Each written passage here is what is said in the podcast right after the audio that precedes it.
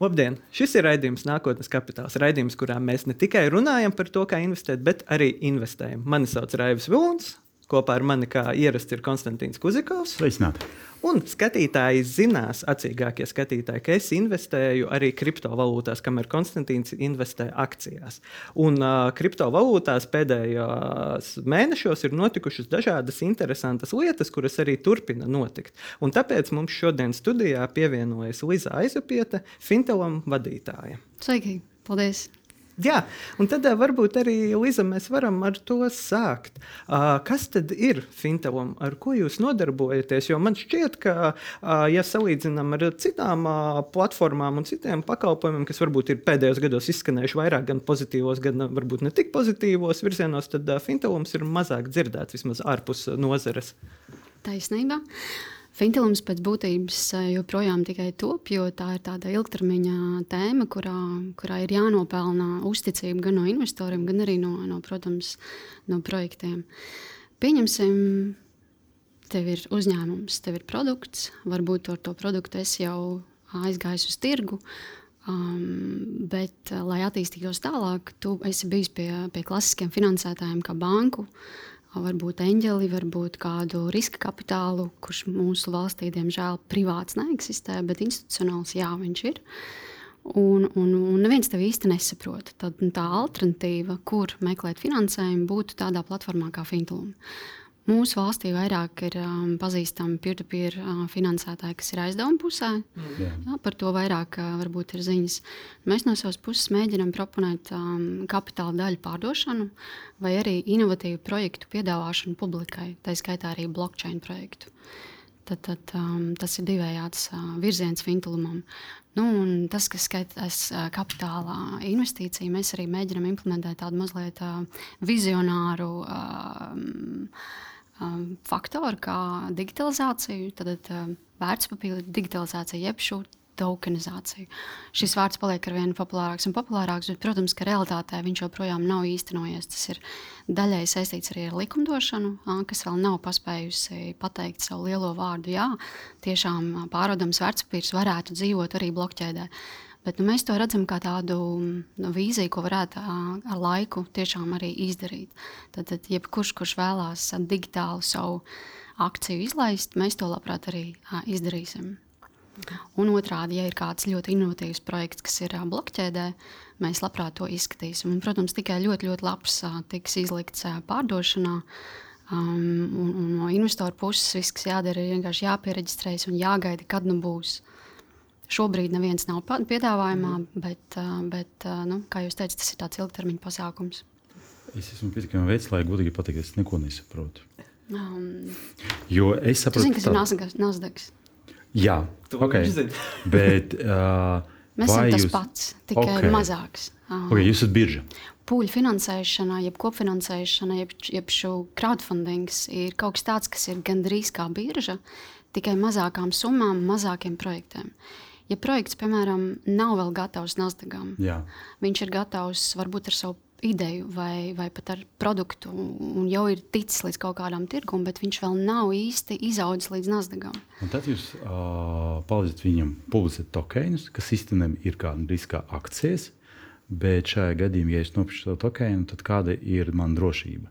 Juridiski tā ir akcija. Tā ir akcija. Tokens ir tikai digitāla reprezentācija, ko mēs piedāvājam kā papildus uh, faktoru. Jā, bet šeit jautājums ir tāds, ka, lai aizietu uz Nasdaq, ir jā, jāatbilst ļoti daudziem kritērijiem. Tāpat arī ar mums. Un tas nozīmē, ka arī jāiziet ļoti nopietnu procedūru, un, un arī manam biznesam jābūt ļoti baltam, pirmkārt, skaidram. Okay. Tāpēc arī ir, šie produkti, kas tiek izlikti, ir ļoti, ļoti maz. Mm -hmm.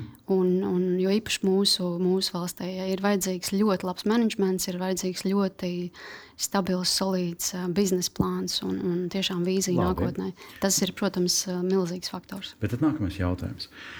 Ja jūs tas tokens publicējat, tas nozīmē, ka tur jābūt pieprasījumam un piedāvājumam. Tas nozīmē, ka tur jābūt pietiekami daudz uh, tirgus dalībnieku.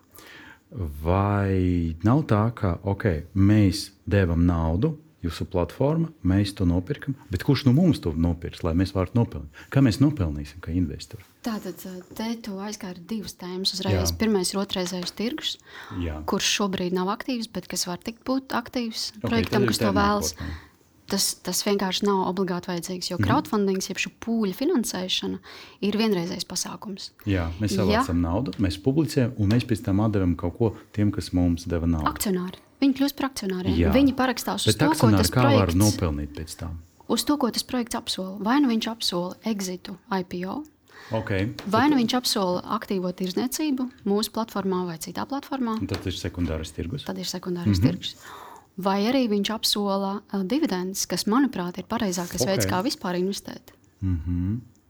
Mums bija viens projekts, kas apsolīja diezgan uh, solīdu dividendu, bet, diemžēl, tirgus viņu nepaņēma. Tirgum mm -hmm. tas nepatika. Tātad mūsu platforma pēc būtības kalpo arī mērķim, lai pats projekts saprastu, vai tirgum vispār patīk šāds produkts. Jo ļoti bieži mēs um, kaut ko radām, kaut ko mēģinām darīt, Un īsti nezinām, varbūt tirgus market fits nemaz vai nav. Šis tirgu, vai šis produkts šajā gadījumā nav tā, ka viņam ir viens stāsts par akcionāriem un tiem, kas ir eh, dabūjuši to tokēnus, un cits stāsts, kā viņš reāli dzīve strādā ar saviem klientiem. Un tas nozīmē, ka te var būt ļoti būtiska atšķirība. Mēs ļoti labu stāstu veidojam akcionāriem, un par tālu nākotni. Tāpēc, tad, kad mēs savācam naudas, viss ir kārtībā. Bet tad, kad mēs sākam strādāt, tad īstenībā mūsu produkts gala lietojumam nav vajadzīgs. Vai nav tā, ka tas ir divas uh, realitātes? Uh, par katru projektu atsevišķi tas tā var būt. Mm -hmm. Jo nav jau arī brīnums, ka šī vecā mm, statistika mums rāda, ka viens no desmit projektiem, startup projektiem vispār izdzīvo. Jā, jā. Bet tas jau nenozīmē, ka mums uh, nevajadzētu investēt startupos. Pat ja viņu produkts uh, sākotnēji liekas daudzsološs pēc tam um, attīstības nu, jā. stadijā viņš izrādās, uh, varbūt tā kā tu saki, nav vajadzīgs. Jā. Um, problēma nav tur. Problēma patiesībā ir uh, mūsu nodokļu sistēmā.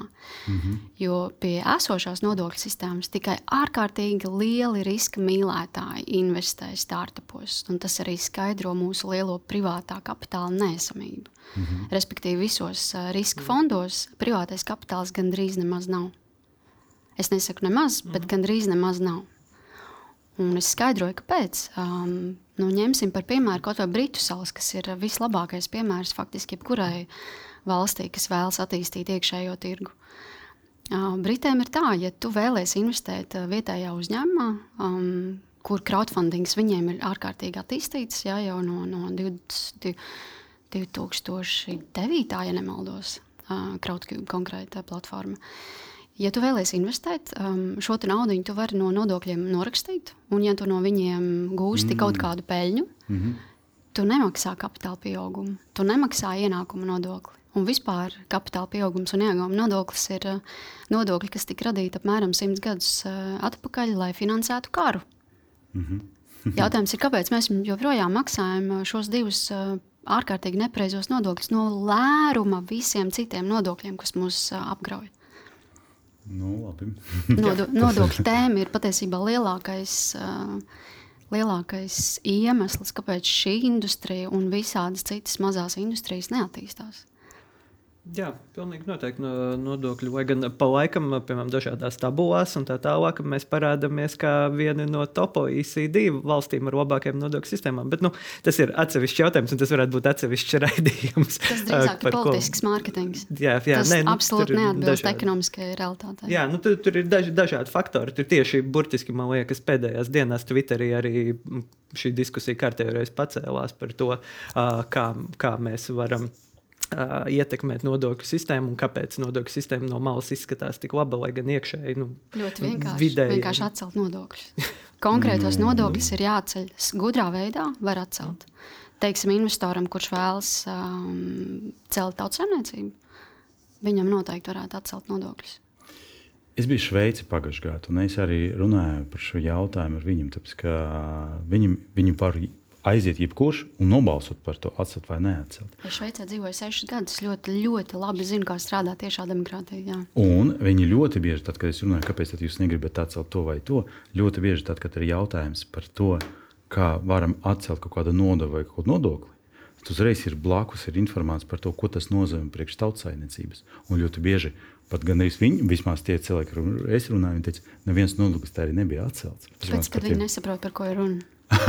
Tātad, lai tiešā demokrātija strādātu ļoti labi, Šveice ir ideāls piemērs, kā viņa mūsdienās vispār strādā. Ja? Mm -hmm. Bet, lai tiešā demokrātija strādātu nu, tā, kā viņai vajadzētu strādāt, izglītības līmenim vajadzētu būt vēl augstākam.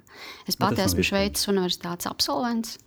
Esmu Ženēvas universitātes um, bakalaurs, un, un es zinu ļoti labi, ko nozīmē uh, cilvēks, kurš kaut ko zina, ja, un mhm. kaut ko tomēr ne īsti nezina līdz galam. Ja. Uz ielas tiešā demokrātija principā ir ielu sarunas. Uz ielas stāv um, bucenīts un, un, un, un tur lasa parakstus.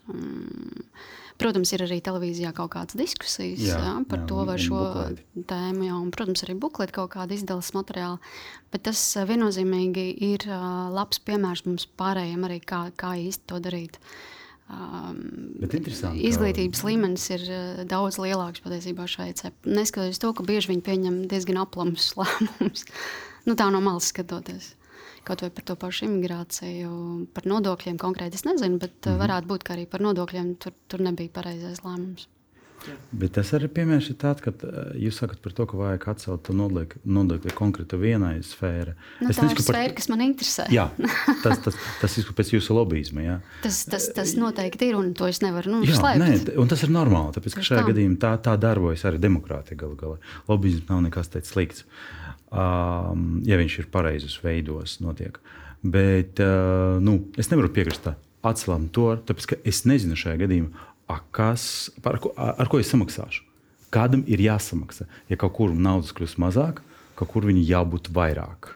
Jo es saprotu, ka naudas kļūst vairāk, teiksim, riska kapitāla, un tas ir labi, bet tie nodokļi būs kaut kur nesaņemti.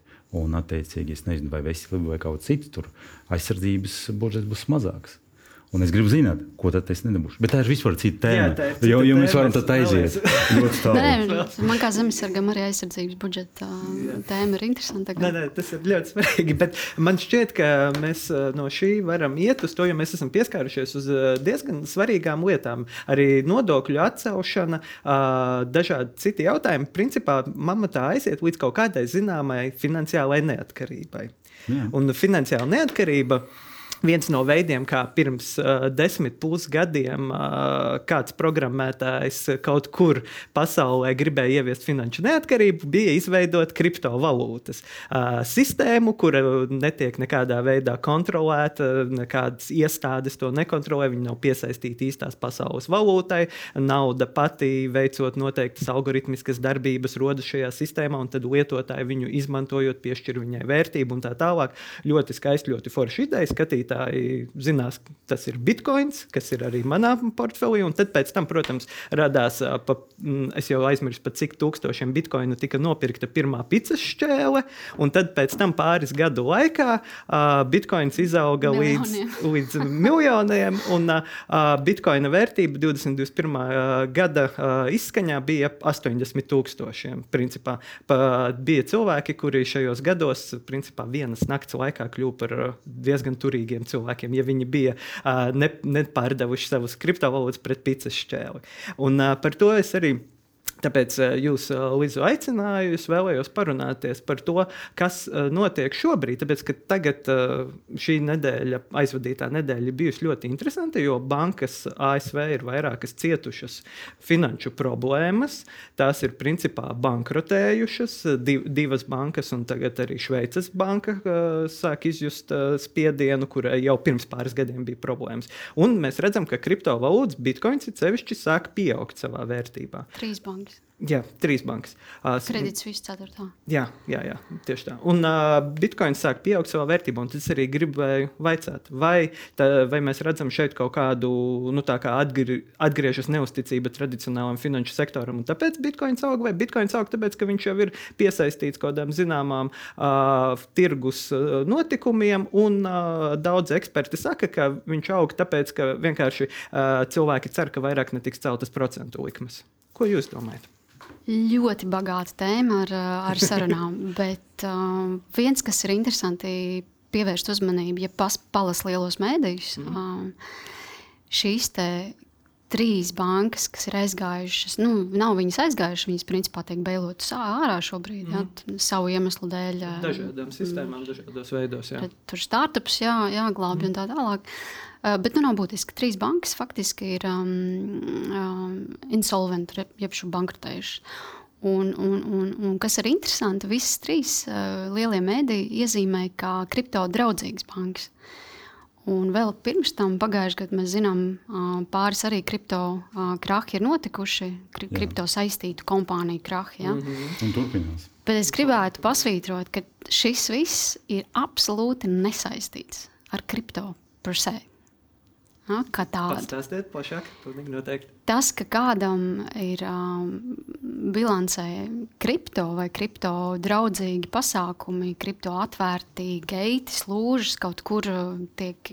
tiek nu, vai arī finansē kripto uzņēmumus, kāda ir tā līnija. Tieši tā, nu, lai mhm. kāds tas setups, tas, mm -hmm. tas jau nenozīmē, ka tās kripto kompānijas. Mm -hmm. Viņas strādā pēc vecā Fiat, angļuiski saucās fractional banking sistēmas. Mm -hmm kurā iedotā nauda depozītā nav ne laika depozītā, bet vienkārši brīvā depozītā, kur tu vari jebkurā brīdī izņemt ārā.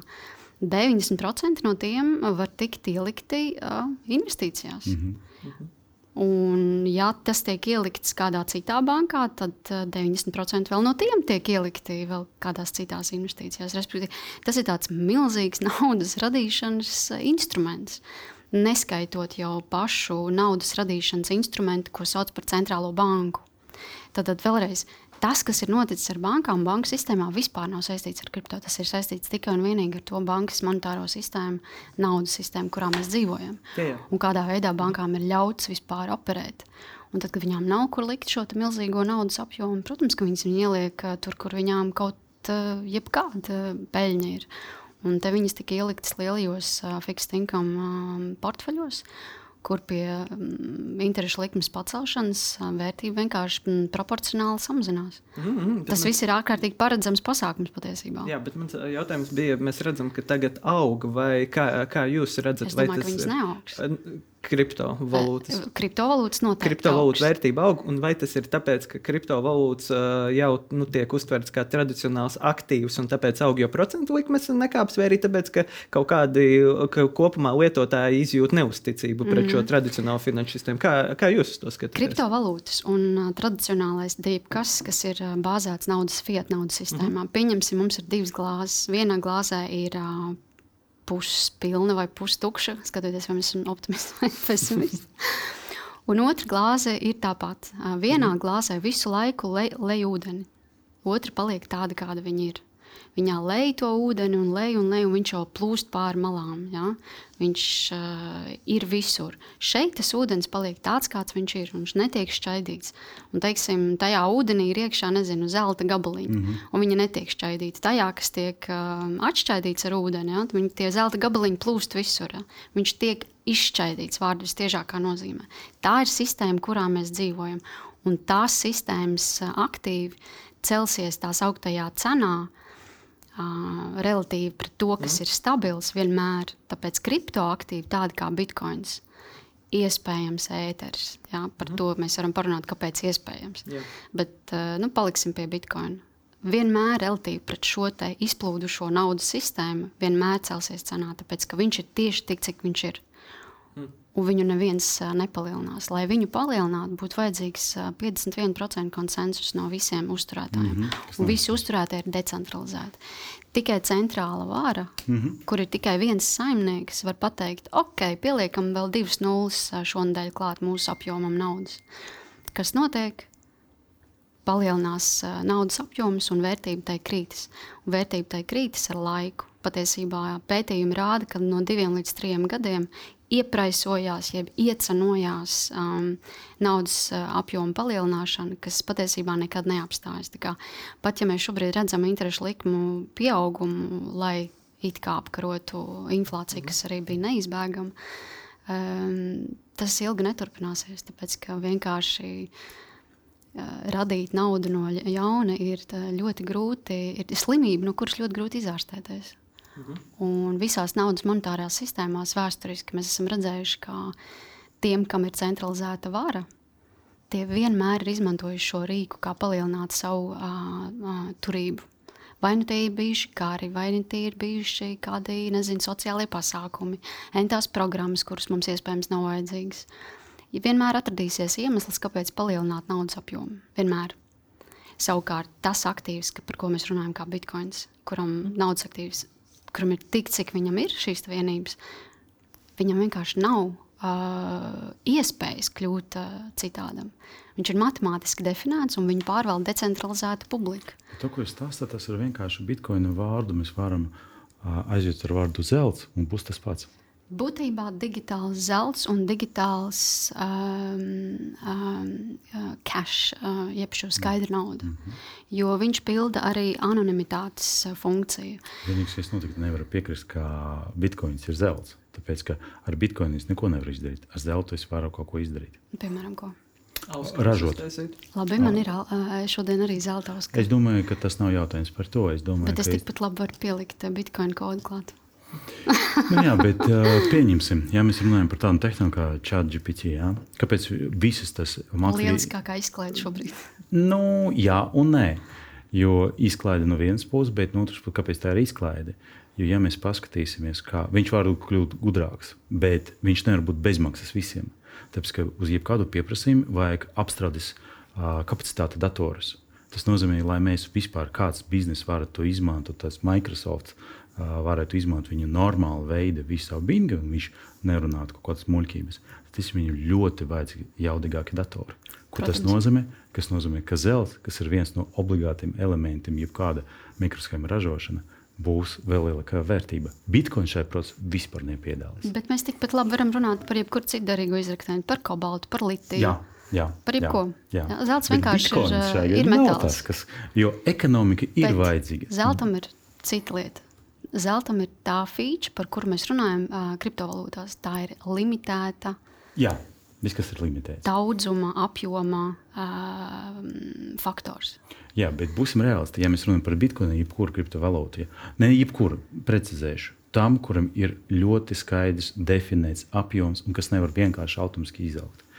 Tad tautsāvniecība netika izmantota nekāda veida. Tas ir vienkārši tas pats, kā tulpes Holandē pirms pāris simts gadiem. Vienkārši visi nolēma, ka mēs varam tur kaut kādu veidu īsumā nopelnīt zelts ar mums jau tūkstoši gadu, vai kobalts, vai nezinu, nikels un tā tālāk. Un viņš mums ir vajadzīgs, lai mēs varētu ražot vismaz baterijas, automobiļus un vispār. Nē, ļoti labi. Par to, par to nav runa. Tas, tas ir ļoti labi, lai tās, tā tas arī ir. Bet uh, bitkoins eksistē tieši tāpēc viņš ir eksistē, ka viņu lieto un uh, viņu īsti arī nevar aizliegt lietot. Nu, tā ir tāda lieta, ko cilvēks Bet ir radījis. Daļa no nu, viņu lietu, ka maksāšanas līdzekļi. Šodien tas ir bitkoins, pirms tūkstošiem gadiem. Es teiktu, tas... ka investīcijas līdzekļi šobrīd vairāk.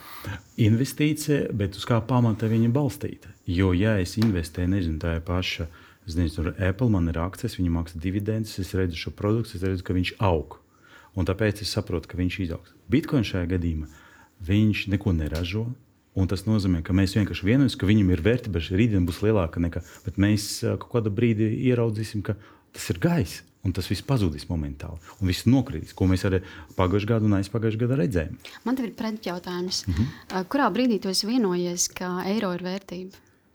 Tu personīgi esi kādam teicis, jā, es jā, piekrītu, ka bet, eiro ir vērtība. Līdzi, jūs man mēģināt tagad uh, pārnest uz to teritoriju. Jo īstenībā cent, centrālas bankas, viņi ir tie, kas nosaka īstenībā mūsu ekonomikas ar to, ka viņi var, viņam vienīgi ir tiesības izdot eiro. Rītdien viņi... Tas, tā, tā, tas es varu atbildēt, kā, kā Čērčs teica, ka demokrātija ir slikts veids, bet cilvēcība neizgudro neko labāku. Tur jau tā lieta, ka pirmo reizi cilvēks vēsturē mums ir kaut kas labāks. Un šis te, nezinu, kā Latvijas pateikt, grassroots, nu, tāds kā zāles mm -hmm. sakņu mm -hmm. veidojums, viņš ir uzpeldējis pats no sevis. Un tikai pats no sevis viņš varēs nomirt, ja viņš kādreiz nomirs. Uz ko es varu atbildēt? Diemžēl pie mūsu draugiem Ukrāņiem notiek kāš, un viņiem zelta daudz svarīgāks par bitkoinu. Ne, ne līdz galam, Konstantīns. Nu. Šeit es varu piebilst, ka Ukraina, sevišķi kara pirmajās dienās, viņi saņēma diezgan daudz ziedojumus kriptovalūtās, ko viņi arī izmantoja. Vienkārši tāpēc, ka tradicionālās banku sistēmas bija, nu, viņas nefunkcionēja te, sevišķi tajā kara sākumā. Un tas pats arī Afganistānā notiek. Tā kā es Es uh, ne, nenostājos nevienā lietā. Neeksistē. Nē, nu, nē, protams, Taisnība. tas ir pilnīgi visiem, visiem ir un trūkumi, bet, arī. Bet, uh, ja teiksim, mēs vienojamies par viņu vērtību.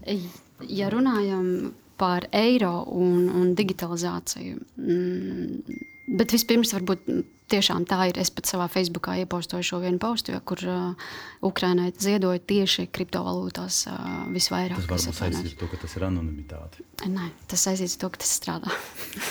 Jā, nē, nu, tas, tas ir ērti, un tāpēc, ka viņš uh, funkcionē arī tajā brīdī, kad banku sistēmas vienkārši nevar uh, dažādu problēmu dēļ apstrādāt, jo arī Afganistānā pa, uh, BBC ir bijušas vairākas burvīgas reportāžas par uh, parastajiem iedzīvotājiem, nu, kuri nav nekāda, nav pie vainas, nav saistīti ar Talibanu, viņi nekādā veidā nu, viņi cieš no starptautiskajām sankcijām, tā, bet uh, vienīgais veids, kā viņiem saņemt naudu no ārienes, piemēram, no radiniekiem un tā tālāk, tāpēc ka starptautiskās bankas visas ir bloķējušas uh, sadarbību ar Talibanu un ar uh, Talibanu kontrolētām bankām, ir kriptovalūtas. Tad radinieki var atsūtīt kaut kādu vērtību, un viņi atkal var apmainīties ar un šo, lai nopirktu maizi. Es te varu atbildēt, kā var nostīt radinieki, jā, var arī nostīt viena terorista citiem. Un tā ir nākamā ah, problēma. Nu, protams, Eiro jau... mēs vismaz teorētiski varam, ja tas nav tā skaidra nauda, bet uh, sekot tam, kurš kam ko ir nostājis. Nu, mēs jau zinām, ka, nu, tā, ka Krievija šobrīd ļoti aktīvi apiet dažādas sankcijas, izmantojot to pašu, ko Ziemeļkoreja un Irāna ir darījusi līdz šim, un pārdot par tradicionālajām valūtām, naftu, gāzi un tā tālāk. Bet, nē, bet tas ir ļoti interesanta diskusija. Un, un turklāt 50% no visām valstīm. Uh, neatiecas sankcijas. Nu, visi, kas neparaksta sankcijas. Tāpēc Jā. Uh, jautājums bet, uh, ir uh, arī nedaudz politisks, vai vispār sankcijas strādā. Nu, bet to mēs atstāsim bet, mūsu citiem delfrēdiem. Ja mēs dzīvotu tikai bitkoinu pasaulē, tad īstenībā nekāda veida nav iespējams uz Krieviju ietekmēt, tāpēc ka uz bitkoinu nav iespējams ietekmēt. Un tas nozīmē, ka Krievijam vispār palikt vispār finansējums, kas ir jebkura cita valsts. Patiesībā Krievijai bija izcila iespēja iepraisot savu naftu bitkoinā. Viņi, diemžēl, šo iespēju neizmantoja. Jo, ja tas tā būtu noticis, tas būtu bezprecedenta pasākums, kurā bitkoins patiešām varētu sākt dzīvot kā viena no Reāls, ļoti fundamentālajiem rezerves valūtām. Es ļoti ceru, ka viņi neskatās mūsu raidījumu. mēs, liekas, mēs bijām sarakstos starp bloķētajiem. Bet jā, tā tad es no visa šī saprotu. Es gribu atgriezties mazliet mūsu raidījumu ietvaros, jo mēs esam iekāpuši mūsu kolēģu raidījumos dažādos. Nu jau. Bet tā, tad es saprotu, ka jūs uz Bitcoin un vispār kriptovalūtu nākotni skatāties ļoti pozitīvi, jūs arī pieminējāt to atslēgvārdu, ka jūs to pat redzat kā investīciju. Šobrīd nevis, tas nav vienkārši maksājuma rīks, tas nav vienkārši kaut kas, ko mēs, nu, lai ātrāk samaksātu par kaut ko. Jūs ticat uh, tam, ka arī Bitcoina vērtība un varbūt arī citas, jūs varat parunāt par citām kriptovalūtām, augs, un ka tie cilvēki, kuri šobrīd nopērk pat šiem 25 tūkstošiem, viņi jau pēc pāris gadiem varēs uh, pārdot varbūt pa 50, 100 vai 100. 150 tūkstošiem.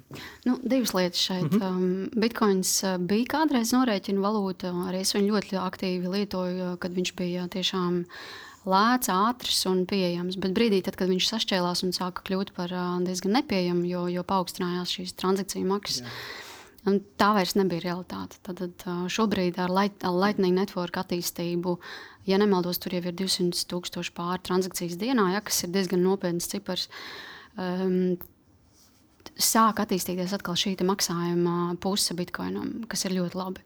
Ethereum ir cits stāsts, tā ir um, nu, tāds kā utility, um, varētu pat teikt, tokens gandrīz vai ja, jo viņš uh, darbina visus šos smart kontraktus, gudros, uh, gudros uh, um, tokenus. Tad viņu lieto ikdienā, pie, pieprasījums un likviditāte ir, ir samērā liels tieši pateicoties šai otrā līmeņa attīstībai. Um, runājot par to, vai tas ir kā investīcija vai nē, tas viennozīmīgi ir investīcija, jo tas ir iešūts šajā pašā spēlē. Ja? Šis protokols kā tāds, viņš ir spēle. Un investīcija ir viens no lielākajiem faktoriem, kas piesaista cilvēkus, un tā tam arī jābūt. Ir, lai jebkura valūta no nulles izaugtu par to, kur viņa ir šodien, un iet arī tālāk. Ja? Jo bitkoins ir tikai apmēram nu, nedaudz vairāk kā 10 gadus vecs. Mm. Eiro ir 20 gadus vecs. Bet, bet nu, nedaudz vairāk kā 20, 99. Um, gads, bet uh, viņš tika iespēkots ar likumu. Bitcoin neviens neiespēkoja ar likumu. Bitcoin iespēko tikai viņa uh, darbības principi. Mm -hmm. ja, un, tas, un, un tas ir tā vērts, ka cilvēks parakstās nevis uz to, ko likums viņam atļauj vēl liek darīt, ja, bet tikai to, ko tu vari ar to izdarīt pats no brīvas gribas. Tas ir atvērts, pilnīgi visiem pieejams. Dari ņemies, uh, un, un tāda otra nav. Tāda otra, protams, nu, protams ir tūkstošiem, uh, varbūt tūkstoši ne, bet simtiem noteikti to klonu. Bet tas jau ir cits stāsts ja, par to, vai tu vari noklonēt to pašu, vai tu vari turpināt šādu pašu veidā kaut kādu inovatāti. Vai tā ir investīcija? Viennozīmīgi, tāpēc ka šobrīd, ja mēs skatāmies, kur vispār šo pāraplūdušo naudu likt, kur vispār ir tirgu vērtība, vērtība ir nemainīgās vērtībās. Jā, tas ir bezmaz vai piens, maize, zeme, mājas, zelts, bitkoins. Tā ir skaitā. Mhm. Jā, jo tās ir vērtības, kas nemainās.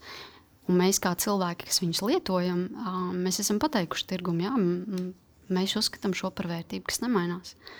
Es tam nepiekrītu. Tāpēc, ka pienu maizi mēs lietojam jau gadsimtiem, tūkstošiem, bitkoinu tikai desmit gadus. Mēs vēl neesam pārliecināti, ka tā ir vērtība piens maize, jeb šo perishable goods. Un es desmit gadus mierīgi dzīvoju bez tā. Jā, tā ir viena no klasēm. Tā ir komoditīs jēlvielu klase. Jā. Um, Bitcoins, Bitcoins nav ir, ir investīcijas um, klase. Nu, par to tagad amerikāņi strīdās, kura no iestādēm uh, regulēs galā. Tā kā varbūt kādā brīdī kļūs par komoditīvu, bet uh, par to ir nopietnas uh, diskusija. Nu, uh, visādā ziņā jā. tas nav securities. Jā, un pateicoties mm -hmm. šim traktējumam, kas notika pavisam nesen, arī um, Bitcoinā bija updates, jaunais taprūt updates kas ļāva um, palielināt netieši šī transakcijas apjoma lielumu. Un pateicoties kam šobrīd ir iespēja pat Bitcoin protokolā taisīt tā sauktos NFT, jeb mm. kaut kādus um, um, laika zīmogus ar noteiktiem datiem apkārt. Tā kā, pateicoties patiesībā ļoti iespējams, nezinu, es spekulēju um, šim te Securities Exchange Commission uh, lēmumam, ja, ka tas nav, tā, tas nav vērts papīrs. Tad nākošais protokola attīstības posms ir tāds, ka tur jau var radīt uh, lietas kā, kā ēterī. Nezinu, kā tas attīstīsies, godīgi saku, bet tas, ka tas šobrīd ir tāds jaunums kopš janvāra, tas arī ir fakts. Mm -hmm. Un uh, kopumā par to, kas notiek šobrīd no regulējuma puses, gan Eiropa jau ir kaut ko pieņēmusi, amerikāņi meklē veidus, kā pieņemt tur savā starpā aģentūras strīdās, kur tad regulēs. Tā tā, kā jūs skatāties uz to, tas ir labi vai slikti, kas šobrīd uh, notiek un uh, tie meklo, mēģinājumi regulēt vai uh, kriptovalūtu, bitkoinu sevišķi vajadzētu vispār atstāt mierā un ļaut, nu, kā viņš pats radās, tā arī cilvēkiem pašiem izdomāt, kā viņu izmantot un tā tālāk. Nu, regulācija ir neizbēgama, tāpēc, mēs dzīvojam civilā sabiedrībā, un, un regulācija tiešām ir viena no mūsu sabiedrības sastāvdaļām. Bet jāatcerās, ka pašu bitkoinu kā tādu Nu, jā, īsti jau nav iespējams tas, regulēt. Tagad biržas un uh, stabilās monētas būs tas, kas uh, caur ko tiks regulēts viss lauks. Kā biržas uh, viens no pamatlicējiem, es varētu teikt, ka vienīgais, ko tu vari kā regulators ir, mm. ir, regulēt, ir, ir šī, šis te gateways, jeb šo ieeja, izēja no Bitcoin. Tad tā ir vienīgā vieta, kur regulators vispār var kaut kādu um, šo te um, ietekmi uh, uzlikt. Citādi svarīgs, svarīgs moments visiem investoriem un, un visiem potenciāliem arī emitentiem ir saprast, ko viņi pērk. Un būtiski saprast, ja piemēram viņi pērk mm, tos pašus NFT. Ļoti svarīgi saprast, vai tie nav potenciāli vērtspapīri.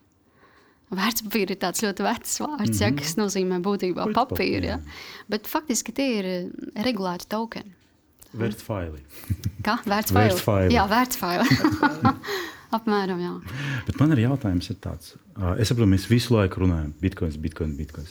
Tava portfelī, ja es nemaldos, ir trīs. Mhm. ā, Bitcoins, kripto- Ethereums un Solana. Vai tas nozīmē, ka viņam vajag visu pārtunāt tikai Ok. okay. uh, bitkoinu? Vai tomēr bez bitkoina ir vērts piešķirt vēl kaut kādam kriptovalūtam? Um, tā, nu, Jo viņam ir tagad um, tūkstošiem, bet izskatās tā, ka bitkoins kļuva par tādu zelta standārtu. Bet mums arī sudrabs, mums arī platina, mums arī vēl daudz. Um, labs jautājums. Nu, skaidrs, ka es savu uh, ieteikumu nevaru dot, jo, jo neesmu finanšu profesionāls. Uh, nu, Mēs tādā arī, ziņā. Bet mēs šo mēs varam- mēs varam- Tam nav jābūt ietekmei, bet kas ir tās kādas, kur jūs saskatāt perspektīvu? Nu, jūs, Jā. piemēram, Jā. minējāt bitkoins, ka tur tagad rodas tas otrais slānis, ka var izmantot arī jau NFT, kas pirms tam bija principā tikai ēterumam, un tad nu, tur Solana un citi kloni radās. Kas ir varbūt tās kaut kādas valūtas, uz kurām ir vērts skatīties, uz kurām jūs skatāties ar kaut kādu nākotnes perspektīvu vai interesi par attīstību? Nu, kas tā ir tik unikāls? Nu, teiksim tā. Mm, cilvēks ir tāds sarežģīts būtne. Viņš, ja viņš redz labu lietu, viņš grib viņu nokopēt. Un tas ir pilnīgi saprotami. Mm. Um, un un ar, ar kriptovalūtām ir līdzīgi. Ēteris ir nedaudz atšķirīgāks. Tas pirmais klons no, no Bitcoina bija um, ķīnieša klons, um, kā viņi sauc. es pat pirms kā viņi sauc, jo es viņu nelietoju. Viņš joprojām ir, un, un, un viņš strādā, un viņš implementē kaut kādas inovatīvas daudz, mm -hmm. daudz vairāk, daudz ātrāk, daudz proaktīvāk, bet tas nenozīmē, ka viņam ir pieprasījums. Viņam nekad nebūs tāds pieprasījums, piemēram, kā bitkoinam. Tāpēc, ka nu, bitkoins mēs savā runājam- ziņā ir. To sauc par first comer advantage. Ja? Jā, Jā, pirmais bet- tirgu, pirmais paņem lielāko piekrītu. Bet investīcijas interesi un, un, un arī investīcijas. Es atvainojos, bet investīcija tagad runā par to, ka pareizāk investēt kaut kādas mazas lietas, jo viņi izaugs straujāk. Mēs runājam par bitkoinu. Bitkoina vērt, tas ir, tā ir vērtība. Ja, ja viņš izaug no 18 līdz 19 tūkstošiem procentu, tas nav daudz. Varbūt ir kāds jauns tas veids vai jauna valūta, kur okay, viņi vēl ir maziņi. Un pateikt savu inovitā- inovāciju vai tehnoloģiju, viņi varētu kļūt pēc pieciem gadiem vismaz izaugt. Absolūti, absolūti. Tas tā tiešām var būt. Un tas ir vienkārši jāsēž tirgu un Kur tas ir? jāpēta. Tas ir jāpēta. Jo e, digitālā mūsu laikmetā tu nekad nevari izslēgt tādu iespēju. Mēs desmit gadus vairāk ā, nevarējām iedomāties atpakaļ, ka varētu vispār kaut kā tāds bitkoins būt.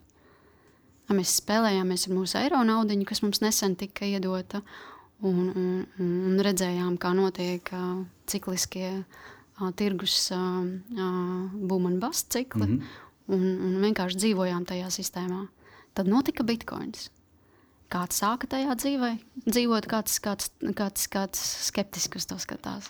Būtība nav tur. Būtība ir tā, ka digitālā vidē mēs nevaram izslēgt um, neiespējami unikālus izrāvienus uh, attīstībā. Bitcoins ir viens no tiem izrāvieniem. Tikpat labi šajā pašā sfērā var būt kāds tokens, kas patiešām izdomā kaut ko unikālu. Bet vai jūs redzat, Es šobrīd tokens? nevaru iedomāties, kas varētu būt unikālāks par to, uh, Ok. okay. kas ir. Bet varbūt tas, Ne, viņš tas, tas vienkārši notiek. ir. Viņš jā. kaut kur jau notiek. Nu, paralēli jau ir kaut kāda divas, trīs jaunas zvaigznes parādīsies. Es, es varu pieminēt par ēteru, pie, pie, pieņemsim. Mm. -hmm. Līdz šim ēteris man likās ļoti, ļoti perspektīvs. Ne tikai tāpēc, ka mm, uz tā līmeņa varēja celt un būvēt ļoti interesantus uh, eksperimentus, un, un, un, un tiešām viņi strādāja, un ļoti bieži viņi tiešām arī izšāva šie tokeni um, NFT šobrīd. Bet tagad, kad viņš ir kļuvis par proof of stake, uh, konsensus protokolu, um, nu, es vairs neesmu tik pārliecināta. Jo mm, arguments, ko parasti lika priekšā, ka tas patērē milzīgus uh, elektrības resursus, nu, manā skatījumā tas nav arguments. Jo. Uh, bet proof of work savukārt ir uh, kaut kas tāds, kas uh, attur um, nevajadzīgi tē, tērēt elektrību. Līdz ar to mm. Mm, tur ir daudz fundamentālāk, pareizāka pieeja šīs valūtas uzturēšanai. Jo par to, kā mēs tērējam elektrību, ja, tas, ir, ta- tas ir katra ziņā. Un, ja cilvēks izdomā vērtīgi tērēt viņu va savas valūtas uzturēšanā, tā ir viņas tiesības. Skaidrs. Interesanti. Okay, un, uh, mums, mēs esam pietuvojušies mūsu raidījuma beigām, bet pirms uh, raidījuma jūs uh, minējāt, ka uh, jums ir skaidrs, konkrēts viedoklis, kāpēc investēt. Un tas noteikti ir viena no svarīgākajām lietām, jo tas ir tas, ko mēs šeit ar Konstantīnu darām. Mēs eh, gribam aicināt cilvēkus uzkrāt nu, savu nākotnes kapitālu, domāt vismaz par to. Un tad kāpēc? Ja ir brīvie līdzekļi šajā pārplūdušajā naudas mm -hmm. monetārajā sistēmā, viņus neinvestēt, ir zaudēt vērtību. Tas ir tik vienkārši, cik tas ir. Viņa tā vērtība vienkārši zūd. Mm parēķinām, cik viņi zūd inflācijā. Un kas ir inflācija? Inflācija ir vienkārši naudas, naudas eh, apjoma palielināšana.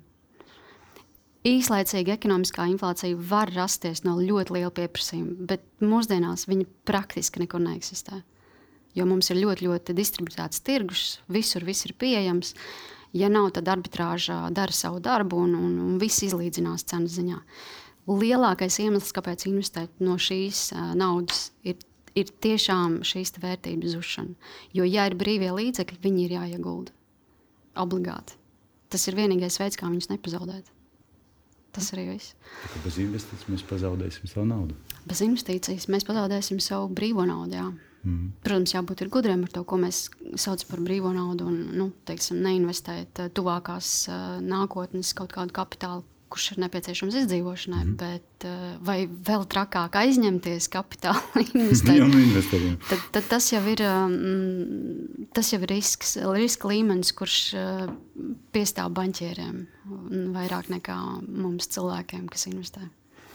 Lūk, uh, es ceru, ka skatītāji šo liks aiz auss un uh, padomās arī par savas uh, naudas nezaudēšanu. Un es teikšu paldies Konstantīnam, teikšu paldies Lizai Aizupietai no Fintelum. Un uh, skatītājiem atgādināšu, ka jūs varat sekot līdz tam, kā iet manam un Konstantīna portfelim nākotnes kapitāls LV, kur jūs arī varat izlasīt par to, kas notiek kriptovalūtu pasaulē, kas notiek tradicionālajā finanšu pasaulē un, protams, arī skatīties mūsu raidījumu. Paldies! Paldies! Paldies. Visu labu! Visu labu.